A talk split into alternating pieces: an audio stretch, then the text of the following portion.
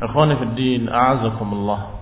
Kaum muslimin yang saya hormati, kita masuk kepada bab berikutnya dari kitab Ighathatul Lahfan, yaitu bab al-hadi ashar. Bab yang ke-11. Fi ilaji marad al-qalbi min istila'i nafsi alaih. Bab tentang pengobatan hati atau pengobatan penyakit hati dari penguasaan hawa nafsu Ketika hawa nafsu menguasai sebuah hati, maka maknanya hati tersebut dalam keadaan sakit. Maka maknanya hati itu memiliki satu illah, satu penyakit yang mengganggunya, yaitu penguasaan hawa nafsu. Famal ilaj, maka bagaimana mengobatinya? Demikianlah bab yang akan dibahas oleh Ibnu Qayyim rahimahullahu taala. Qala rahimahullah hadzal bab kal asas wal asl lima ba'dahu minal abwab. Bab ini merupakan pondasi, merupakan dasarnya dari semua bab-bab yang akan datang setelahnya. Berarti bab bab penting, yang sangat penting karena merupakan asas lima ba'dahu minal abwab. Pondasi dari bab-bab berikutnya nanti. Kalau kita mengetahui bab ini, memahami bab ini, maka kita akan mudah memahami bab-bab berikutnya karena semuanya dibangun di atas pondasi ini. Qala fa inna sa'ira amrad al-qalb innama tansha min janibin nafs. Kenapa dikatakan pondasi masalah jiwa ini atau masalah hawa nafsu? Karena semua penyakit-penyakit hati walaupun memiliki berbagai macam bentuk, walaupun memiliki berbagai macam sebab-sebabnya, tetapi intinya bermuara pada satu perkara, yaitu hawa nafsu. Hawa an-nafs. Mawad al fasidah kulluha ilaiha tansib semua perkara-perkara yang jelek, semua kejelekan-kejelekan yang ada di dalam hati yang sakit semuanya bersumber kembalinya kepada hawa nafsu. Oleh karena itulah Allah Subhanahu wa taala mewajibkan kita untuk berpuasa agar kita bisa melatih diri kita untuk menundukkan hawa nafsu lam tanba'iz minha ila al-a'dha thumma tanba'iz minha ila al-a'dha setelah bersumber dari hawa nafsu kemudian mulai tersebar dan bangkit menjadi satu perbuatan pada seluruh anggota badan. Asalnya dari hawa nafsu. Akhirnya tangan berbuat dosa. Akhirnya mata berbuat dosa. Akhirnya telinga berbuat dosa. Akhirnya kaki semuanya seluruh tubuh ini berbuat dosa. Penyebabnya atau sumbernya adalah satu hawa nafsu وأول ما تنال القلب وقد كان رسول الله صلى الله عليه وسلم يقول في خطبة الحاجة dan juga hawa nafsu merupakan awal ma tanalul qalb pertama kali hati terkena sesuatu yang jelek adalah pertama kali dari hawa nafsunya وقد كان رسول الله صلى الله عليه وعلى آله وسلم يقول في خطبة الحاجة dan Rasulullah alaihi salatu wassalam beliau mengucapkan dalam khutbatul hajah khutbah beliau atau lebih tepatnya muqaddimah khutbah beliau dalam setiap khutbahnya beliau menyatakan innal hamdalillah atau alhamdulillah nasta'inuhu wa nastahdihi wa nastaghfiruhu wa na'udzu billah. Sampai pada kalimat wa na'udzu billah min syururi anfusina wa sayyiati a'malina. Perhatikan Rasulullah SAW berlindung bukan sekali bukan dua kali pada setiap khutbah Rasulullah SAW berlindung dari kejelekan hawa nafsunya. A'udhu billah bin syururi anfusina dari kejelekan-kejelekan jiwa-jiwa kami. Kejelekan-kejelekan nafsu-nafsu kami. Wa sayyiati amalina dan kejelekan amalan-amalan kami. Demikian hadis atau diriwayatkan dalam sahih Muslim dalam hadis yang panjang di antaranya disebutkan demikian. Khutbah hajahnya Rasulullah SAW setiap akan menyampaikan hajat beliau mengucapkan mukaddimahnya demikian. Alhamdulillah nastaghfiruhu wa na'udzu billah min syururi anfusina wa sayyiati a'malina.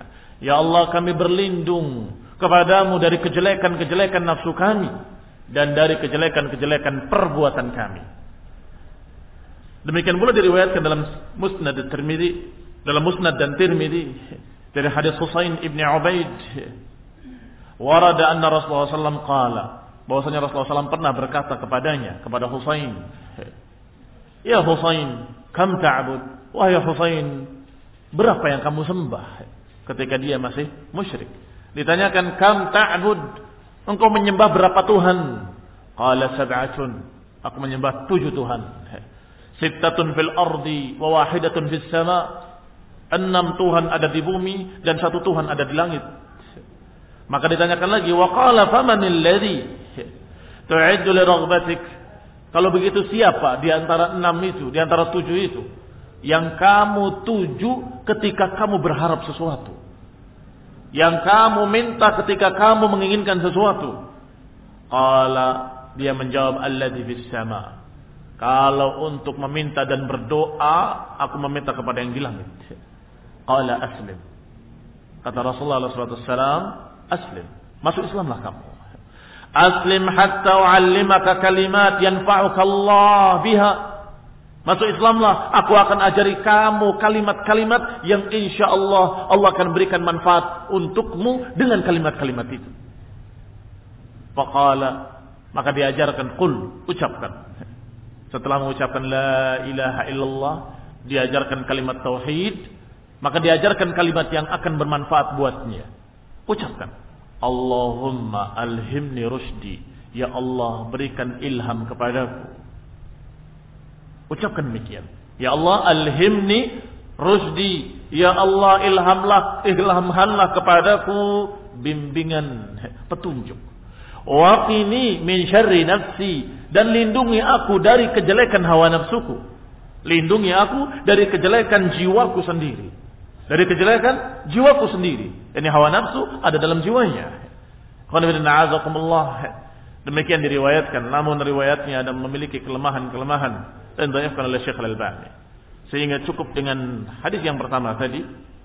Dengan khutbah Rasulullah SAW yang diriwayatkan dalam Sahih Muslim. Bahwa Rasulullah selalu berdoa meminta perlindungan dari hawa nafsunya. Atau lebih tepatnya dari kejelekan hawa nafsu. Wa qad min syarrih min syarriha umuman. Rasulullah SAW berlindung dari kejelekan hawa nafsu secara umum.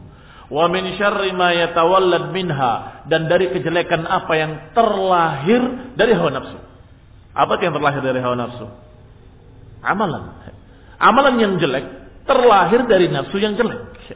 Amalan-amalan yang jelek sesungguhnya lahir dari dorongan-dorongan hawa nafsu yang jelek. Tetapi Rasulullah SAW berlindung kepada Allah dari keduanya. Dari kejelekan hawa nafsunya dan juga dari kejelekan-kejelekan amalan-amalannya. Wa min syarri ma yatarattab ala dhalika minal makari wal uqubat dan juga berlindung dari konsekuensi yang jelek akibat perbuatan itu.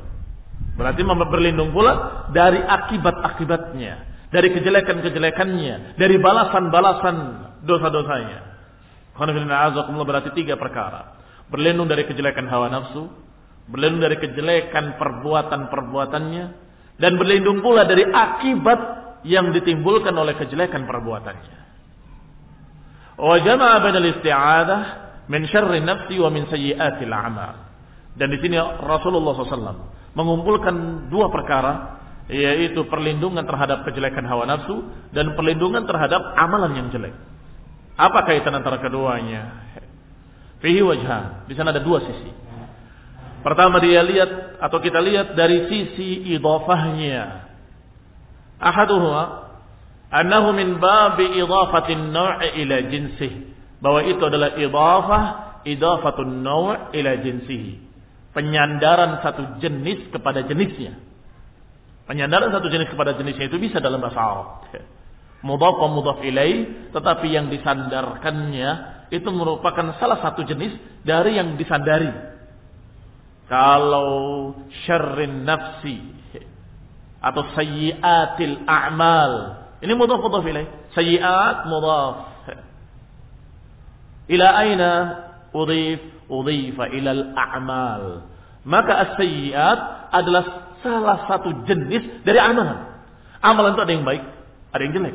Salah satu jenisnya adalah kejelekan. Maka berlindung dari sayyiatil amal, maka sayyiatil amal ini adalah menyandarkan kejelekan kepada jenisnya. Qala rahimahullah.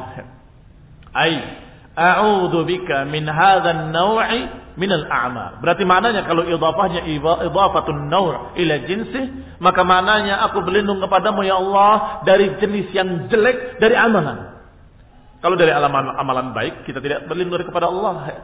Karena itu kita harapkan amalan yang baik. Malah kita minta, as'aluka. Minta kepada engkau ya Allah ilman nafi'a wa rizqan tayyiba wa amalan mutaqabbala.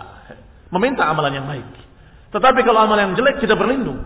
Sehingga sayyiatnya dikhususkan disandarkan salah satu jenis dari amalan. Kita tidak berlindung dari seluruh amalan, tapi berlindung hanya dari jenis yang jelek. Ini idhafatun naw' ila jinsi. Wasani, anna al-murad bihi uqubatul a'mal allati tasu'u sahibuha atau su'u sahibaha. Tafsiran kedua bahwa idhafahnya adalah menyandarkan akibat dari perbuatannya. Aku berlindung kepada kejelekan-kejelekan amal, yakni kejelekan-kejelekan yang disebabkan amalan. Beda atau enggak beda dengan yang tadi? Berbeda. Kalau tadi berlindung dari kejelekan amal, yakni amalan yang jelek. Tapi ini berlindung dari kejelekan-kejelekan yang disebabkan karena amal. Apa maknanya berarti? Maknanya aku berlindung ya Allah dari azab. Aku berlindung dari musibah-musibah atau dari balasan-balasan karena amalan-amalanku yang jelek.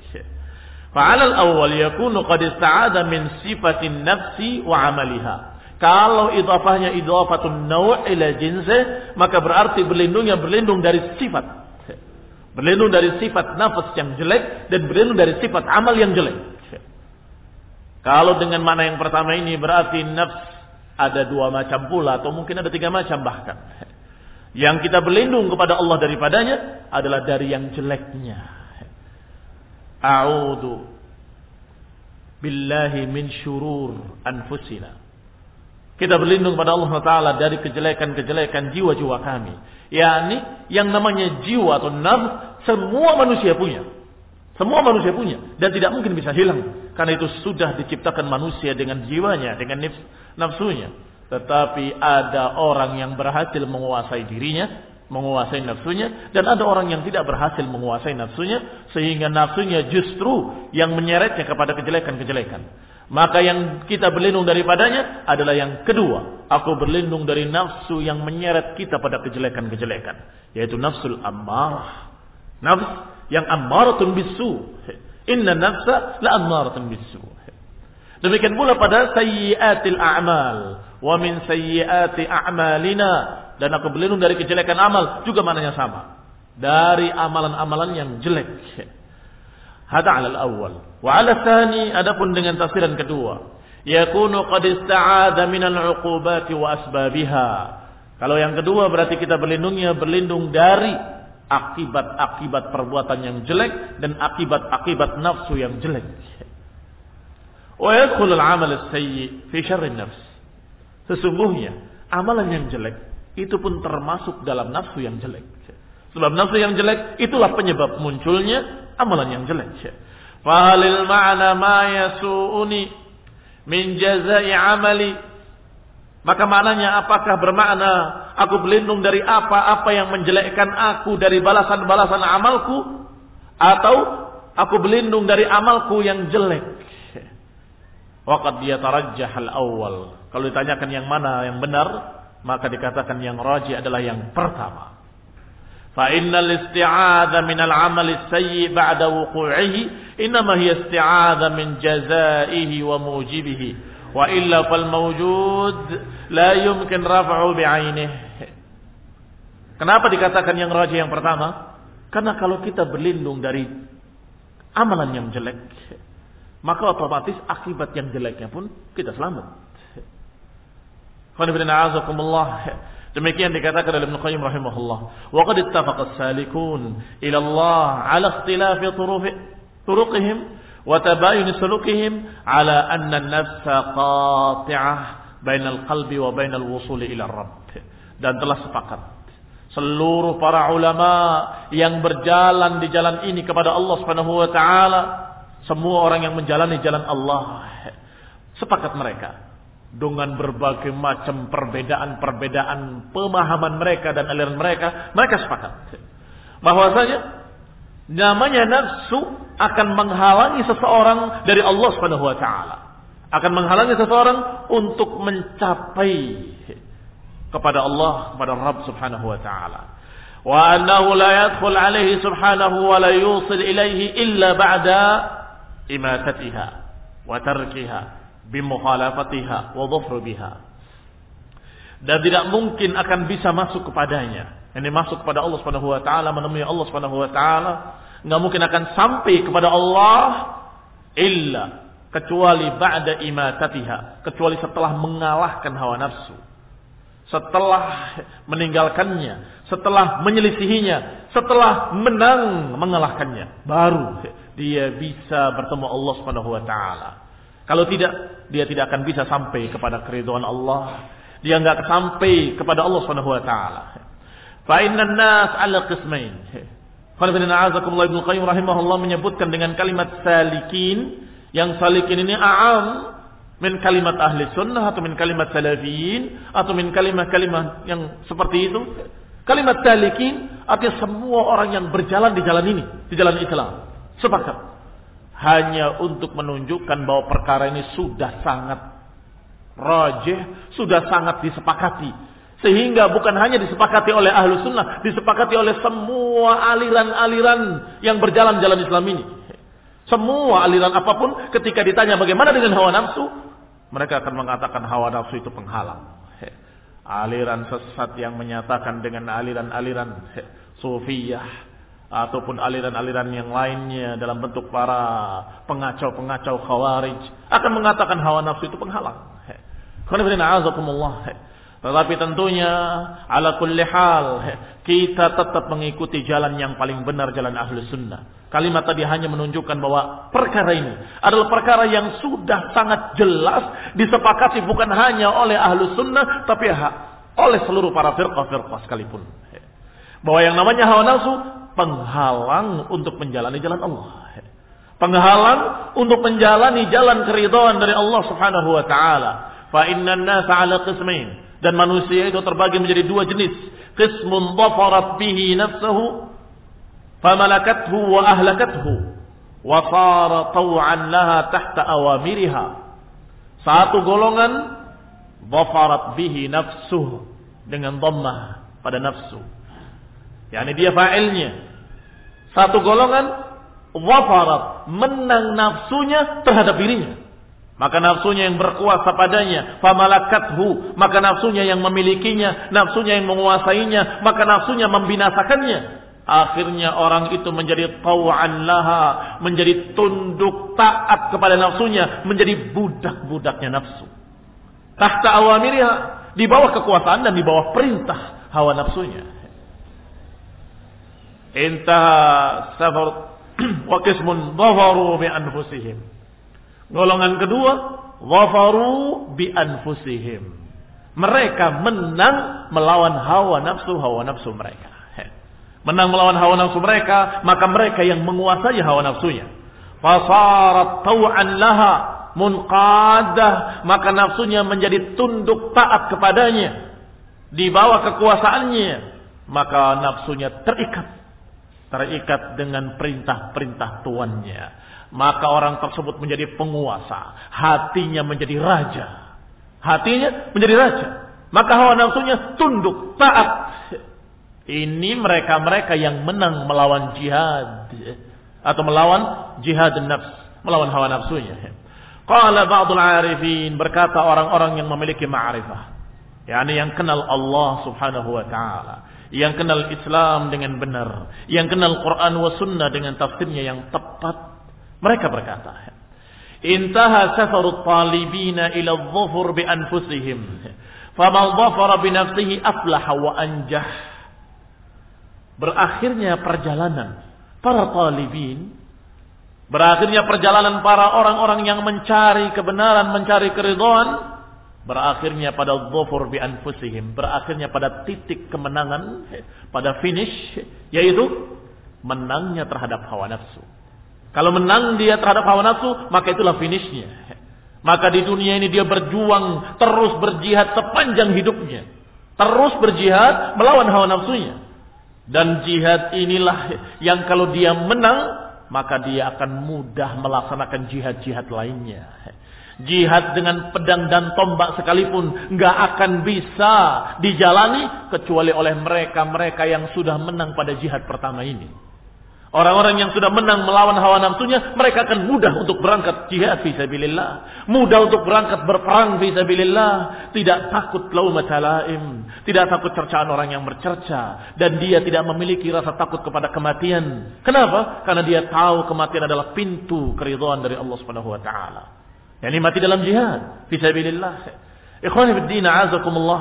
Sedangkan mereka-mereka yang belum bisa mengalahkan hawa nafsunya, terasa besar untuk berperang fisabilillah. Terasa besar bagi mereka karena mereka masih memiliki penyakit-penyakit hawa nafsu, hubbud dunya wa karahiyatul maut. Cinta dunia dan benci kepada kematian. Bagaimana mungkin dia akan maju ke medan tempur dalam keadaan dia hubbud dunia? Bagaimana mungkin dia akan bisa maju melawan kufar? Jihad fisabilillah dalam keadaan dirinya sangat takut kematian. Maka mereka akan berkata seperti berkatanya para munafikin. Inna buyutana aurah. Atau berkatanya para mukhallafin. Syagalatna amwaluna wa ahluna fastaghfir lana. Atau berkata mereka-mereka yang fi qulubihim marad. La tanfiru fil har. Jangan kalian keluar berperang dalam keadaan panas seperti ini. Katakan pada mereka bahwa jahannam asyaddu harra, bahwa neraka jahannam lebih panas lagi. Berarti walaupun dikatakan jihad nafs, jihad melawan hawa nafsu itu jihad besar, tetapi tidak bertentangan dengan jihad secara fisik. Tapi justru saling mendukung. Kalau mereka tidak mau menjalani jihad secara fisik, berarti jihadnya dalam melawan hawa nafsu masih belum menang. Masih kalah dia dengan hawa nafsunya. Bukan dibedakan kamu jihad fisik saja. Saya yang jihadun nafas katanya. Atau saya tidak mau jihad itu. Saya akan jihad yang lebih besar.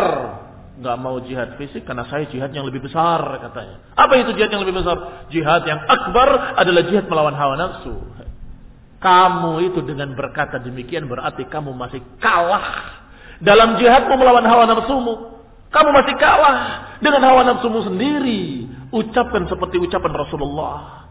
A'udzu billahi min syururi anfusina wa a'malina.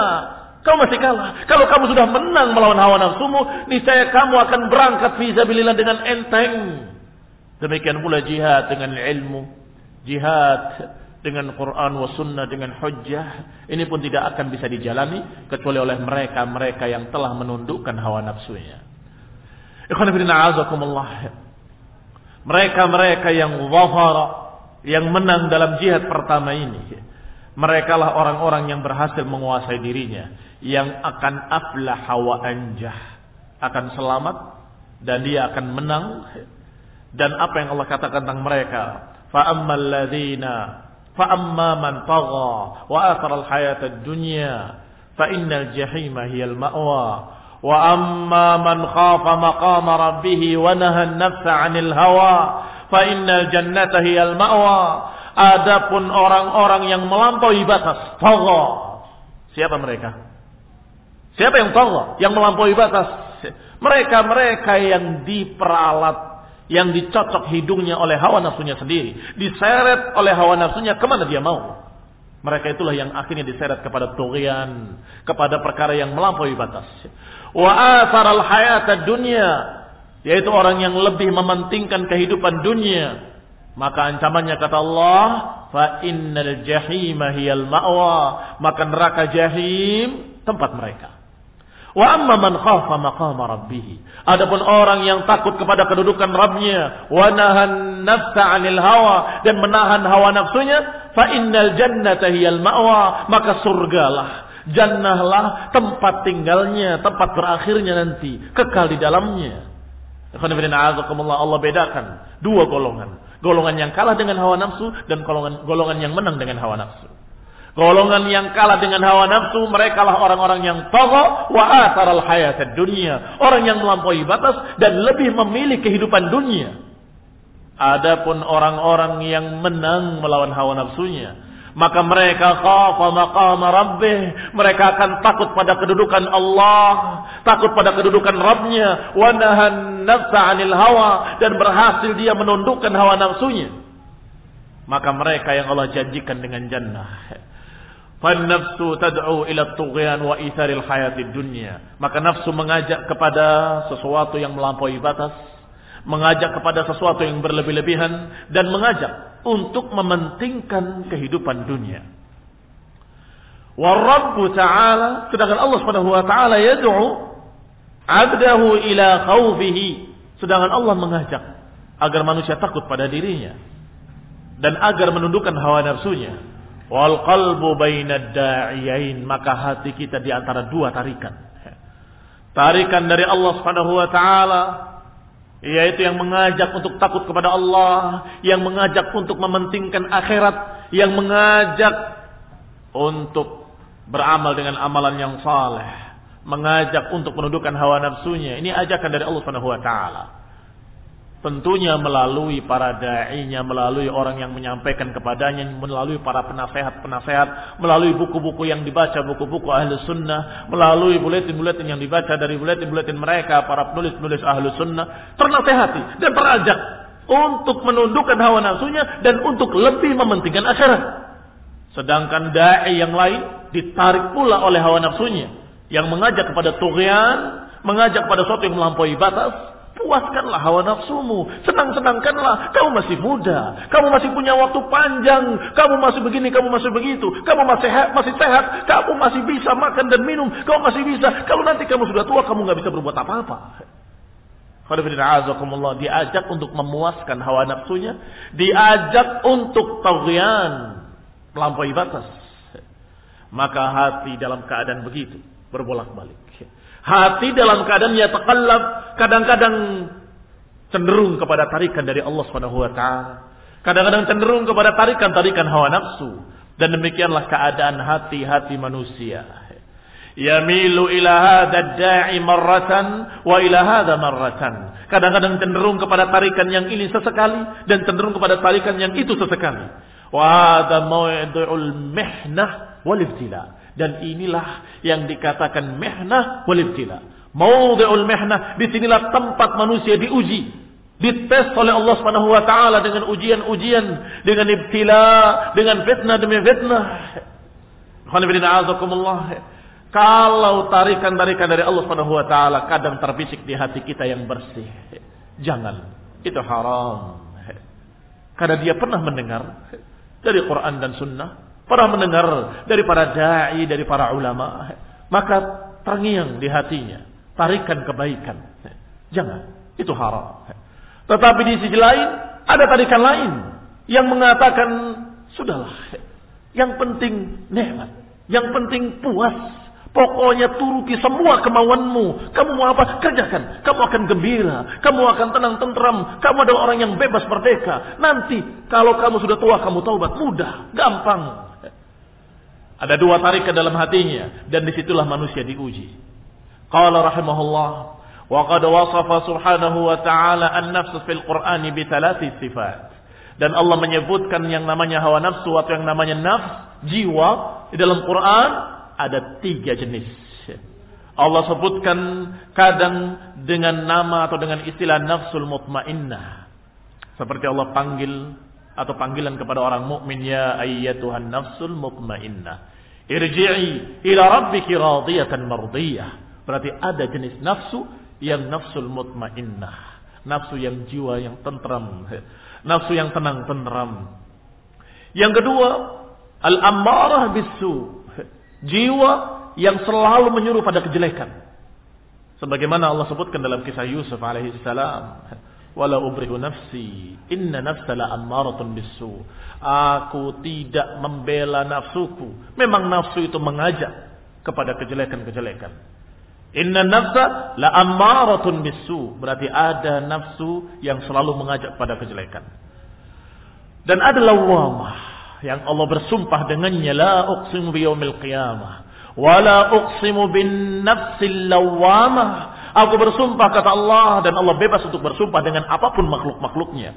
Allah bebas bersumpah dengan apa pun yang dikehendakinya dan Allah bersumpah untuk membesarkan beberapa makhluk-makhluknya agar diperhatikan.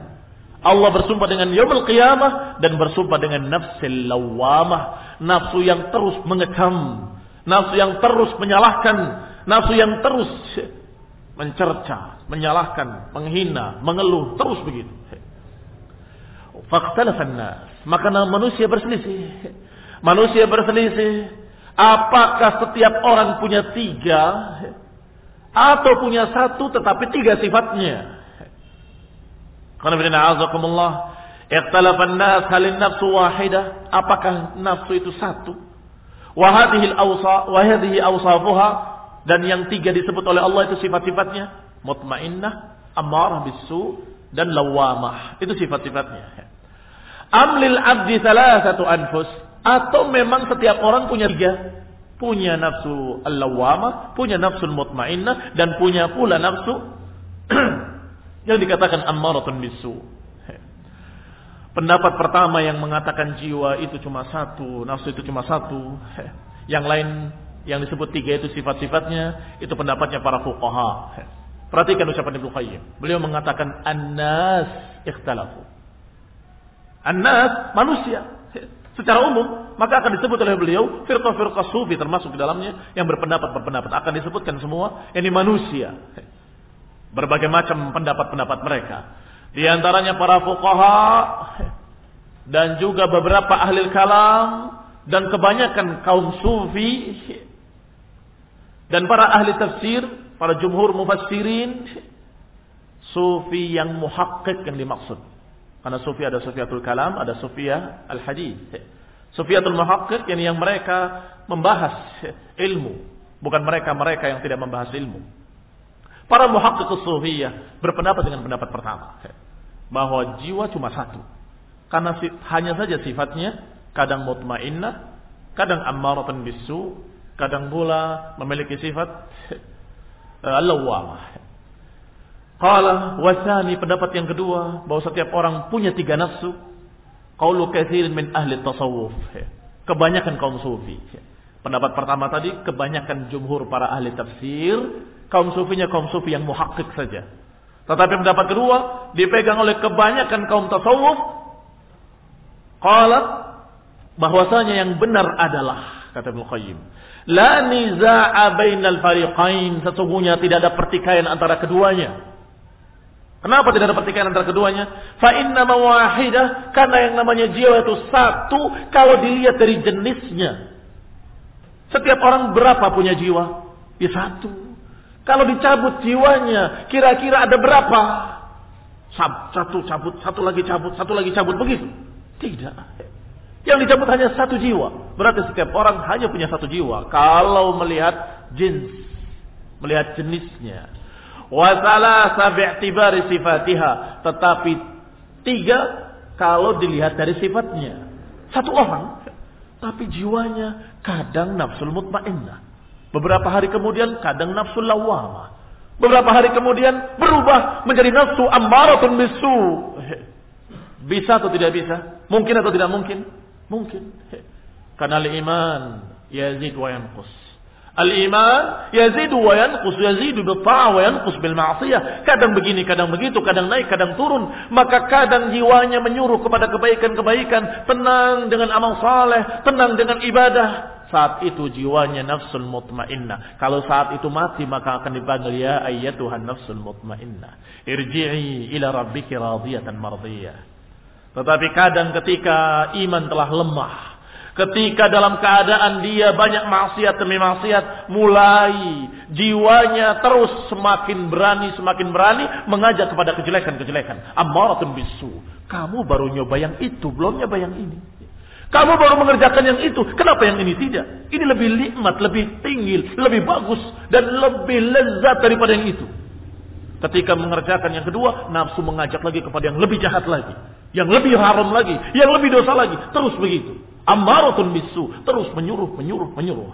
Dan pernah lewat di majelis ini kisah pendeta Barsiso. Yang dikisahkan dalam riwayat Dalam hadis yang berarti bukan kisah khayal, bukan dongeng sebelum bobo, tapi hadis Rasulullah SAW. Bahwasanya dia asalnya dosa-dosa kecil.